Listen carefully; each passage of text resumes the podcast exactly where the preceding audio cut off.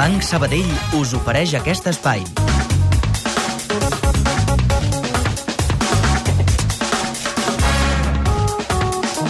És un quart de sis de la tarda i a aquesta hora rebem el doctor Ramon Adell, catedràtic d'Economia Financera de la Universitat de Barcelona. Benvingut novament. Eh, tenim un bitllet cap a València per demà, però demà serà demà, avui és avui. I avui el que tenim ganes de comentar amb el professor d'ell doncs, és aquesta notícia que, que, que coneixíem ahir. De fet, el govern central està disposat a canviar la legislació com més aviat millor, perquè grans empreses amb beneficis assumeixin les prestacions per desocupació de les pre prejubilacions que, que provenen dels acomiadaments pactats. L'anunci d'aquestes mesures diu que té a veure també amb el recent anunci de Telefònica, segons el qual prescindirà de gairebé 6.000 treballadors, el 20% de la plantilla a l'estat espanyol. El ministre de Treball, Valeriano Gómez, deia en una entrevista d'ahir a l'informatiu del migdia que si empreses que tenen guanys volen impulsar un ple de jubilacions hauran d'assumir el cost de l'atur dels empleats que se'n vegin afectats. Hay desempleo cuando el trabajador busca activamente empleo. Si no busca activamente empleo, si va a jubilarse, no debe percibir eh, la prestación por ese empleo. Y si lo hace, lo debe pagar la empresa.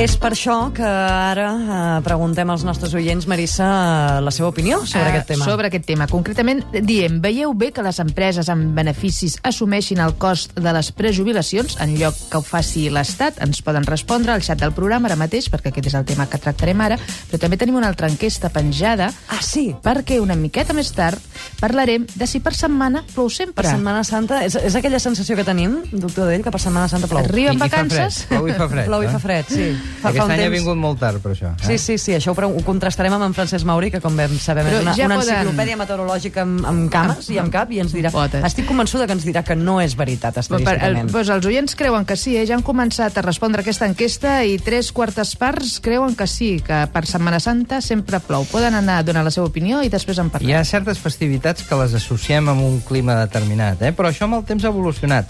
Ara em fas pensar amb les, amb les castanyes, per tots sants. Tots tenim la imatge de fred, Oh. eh, de les castanyes, i fa molts anys que ja no és així. Escolta, Ara fa un parell d'anys que ha tornat a fer fred, eh, per la Una castanyada. miqueta, sí. sí. sí, no desviem el tema, doctor Dell. Aquestes declaracions del ministre Valeriano Gómez, que, que a més a més també ha dit que no és propi d'una empresa socialment responsable anunciar un ERO al mateix temps que estableix un pla d'incentius Sí. milionaris pels seus di- directius. A mi em fa l'efecte que ha sigut una, una notícia molt desafortunada per, per part de Telefònica, no? Eh, Les coses s'han de És, és situar... en- desafortunat i fins i tot antiestètic. Sí, ho dèiem, ho dèiem el divendres, em sembla que era, quan dèiem eh, hi ha coses que no es poden fer ni per ètica ni per estètica, no? Potser estem a davant d'una situació d'aquestes. Eh, aviam, posem les coses en el seu context.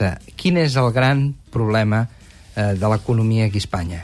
Doncs que tenim 4 milions d'aturats i fins i tot des del propi Ministeri ens diuen que quan surtin les pròximes estadístiques ens podem apropar als 5 milions. Això què vol dir? Això vol dir que d'aquí dos dies no els haurem generat, aquests llocs de treball. I el nostre problema serà si, a més a més del dèficit que ja tenim i de la situació difícil des del punt de vista econòmic, hem de seguir donant prestacions socials a part d'aquests 5 milions d'aturats.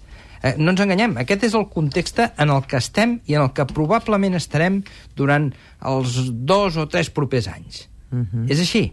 Clar, a davant d'aquesta situació, una empresa amb beneficis eh, anunciï prejubilacions i que al mateix temps anunciï aquests bonus per directius, home, eh, eh, el que dèiem, ni és ètic ni No és fa- no- estètic. no fa bonic. Clar, si això, si això ho plantegem d'aquesta forma, doncs entendrem que quan surti el ministre de Treball i digui, escolti, mm, eh, eh, això està molt bé, però qualsevol cost que incrementi el que seria la càrrega normal de prestacions amb càrrec a les finances públiques que l'assumeixi l'empresa, a mi em fa l'efecte que convindrem tots que és una manifestació carregada, almenys, de sentit comú.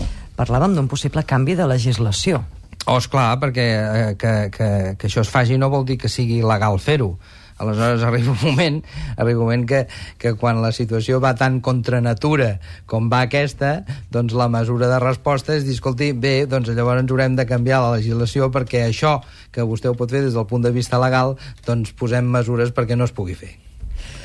Eh, a veure, de, de tota manera, en les recomanacions del Pacte de Toledo mm, ja es deia, no?, que, si parlo de memòria, que l'administració pública no financés, és a dir, que no sortissin del, de les butxaques eh, comunes els diners per a aquestes eh, prejubilacions en empreses que tinguessin beneficis. Per tant, és que- és això que ja és- estava és- dit feia temps. Sí, i és, una, i és, un, i és un argument eh, eh, perfectament assenyat. Anem a veure. Estem discutint si allarguem l'edat de jubilació. D'una banda. Estem, estem, estem dient que, mm, afortunadament, com que tothom viu molt més anys, com que la sanitat funciona millor, doncs les prestacions eh, s'hauran d'allargar.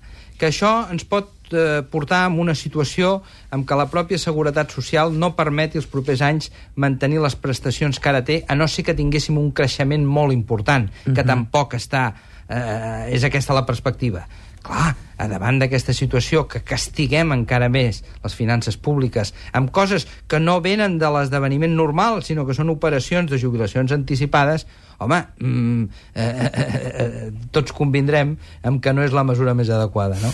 Des del Facebook, en Jordi eh, ens diu no tan sols que l'assumeixin, sinó que l'acomiadament sigui més car. Aquest, eh, Bueno, ell ja vol castigar-los, a més a més, no? A mi em fa l'efecte que en una primera instància simplement que no ens costés més diners a tots plegats ja seria una mesura adequada, no? també hi ha un altre oient que ens diu que això fa temps que les entitats bancàries ja ho fan i ens reny fins i tot una mica en Antiu, Ah, que és sí? una pregunta molt Bueno, no, òbvia és perquè que això suposo- fa temps que les entitats bancàries ja ho fan. Suposo que aquest oient el que vol dir és que hi ha determinades situacions en què si l'empresa fa una prejubilació i li garanteix a aquell treballador una determinada remuneració fins una, fins una edat de jubilació, a vegades hi ha el compromís de que aquell diferencial l'assumeix la pròpia empresa, en aquest cas el que es refereix al propi banc. Mm, En canvi, des del xat ho tenen claríssim els nostres oients, eh? Guanya per majoria aplastant l'opció sí. El 95% dels oients troben bé que les empreses en beneficis assumeixin el cost de les prejubilacions en comptes de l'Estat, com ho fa ara.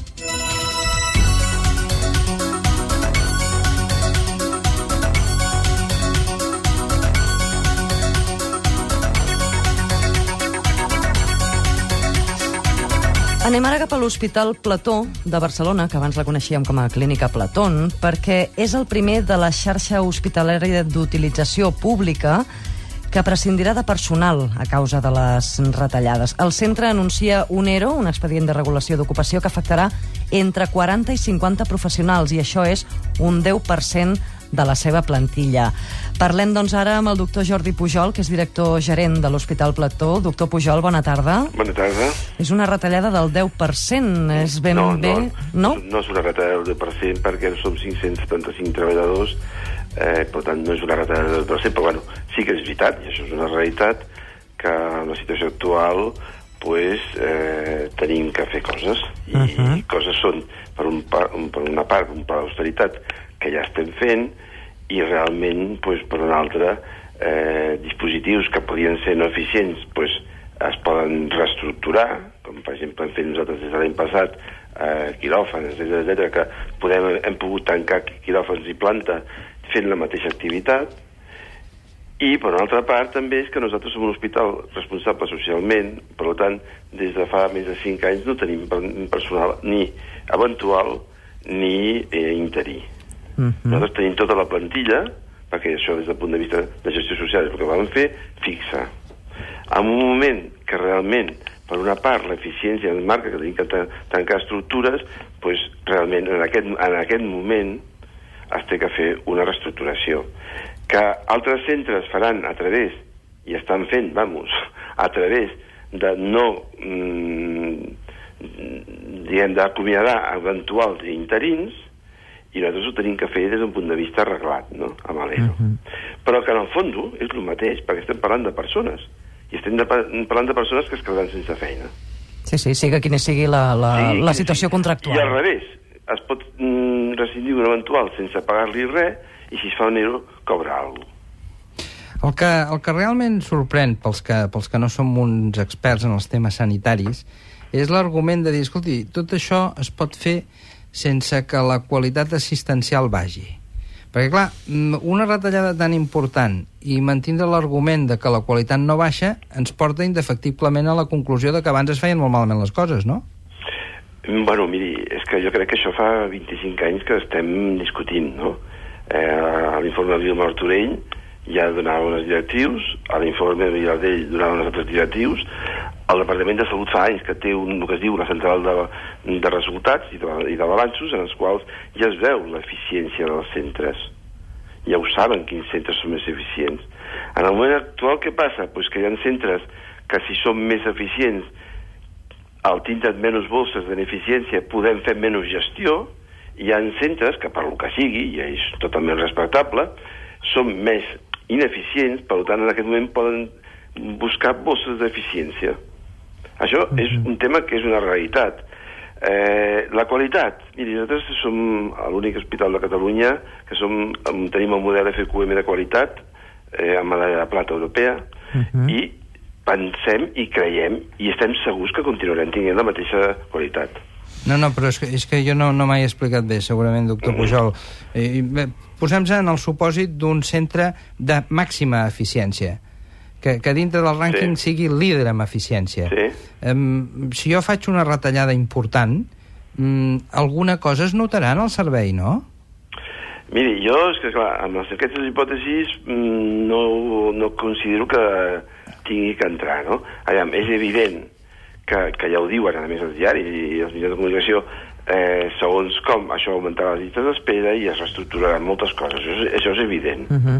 Ara, si parlem de nosaltres, que és el nostre centre, el que li puc dir és que l'objectiu de la direcció i del propi comitè d'empresa, nosaltres vam fer ja fa uns 3 mesos o 4 mesos, vam fer una comissió assessora de la Direcció General d'Assumptes Socials que ja ha representat un de cada dels, dels tres sindicats que tenim i això eh, funciona molt bé en el sentit de que hi ha un diàleg permanent de, no solament del dia a dia, sinó de les estratègies i polítiques de la institució.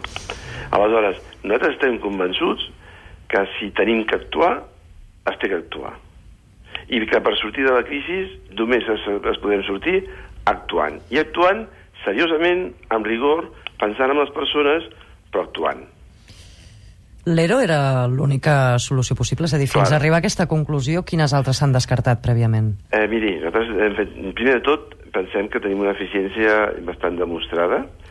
Eh, a part, des del 2010 estem fent un pla d'austeritat en el qual hem aconseguit que el 2010, d'alguna manera, mm, vagi bastant bé, però és veritat que amb aquesta última retallada pues, això per nosaltres no era viable, no?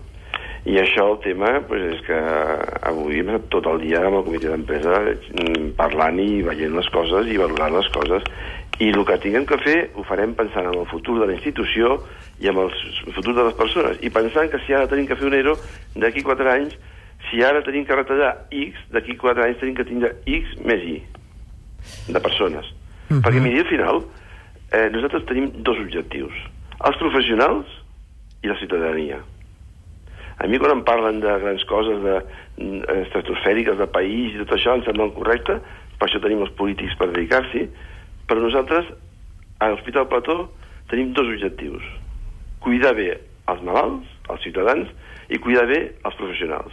Que en aquest moment ens trobem amb una, amb una encreuada complicada? Doncs pues sí. Que la superarem, també, segur. Ens agrada aquest optimisme, mal, malgrat la, la situació. Doctor Jordi Pujol, director gerent de l'Hospital Plató, li agraïm que hagi atès la trucada del Secret de Catalunya Ràdio i, si és possible, faci una abraçada molt gran de part nostra, a tota la gent vinculada a aquest hospital. Molt bé, estupendo. Ho faré perquè, a més, eh, ens abracem molt. és una bona cosa abraçar-se. és una bona teràpia i sí, segurament que ens, estil, ens estalviem uns quants medicaments amb Estalviar, això. Eh, estalviar medicaments, però ens abracem entre nosaltres i abracem el malalt. Molt bé. Doctor Jordi Pujol, moltíssimes gràcies. Molt bé. Bona tarda. Adéu, adéu. Si tens un negoci, ets cap i també empleat. Ets el cervell i ets el cor. Ets el màxim accionista, el visionari, el portaveu, l'apagafocs, el que tanca el despatx a la nit tota l'hora. Ets tantes coses i això només és el principi. Banc Sabadell presenta el compte Expansió Negocis, pensat perquè autònoms, comerços i petites empreses es facin grans. Sabadell, el banc de les millors empreses i el teu.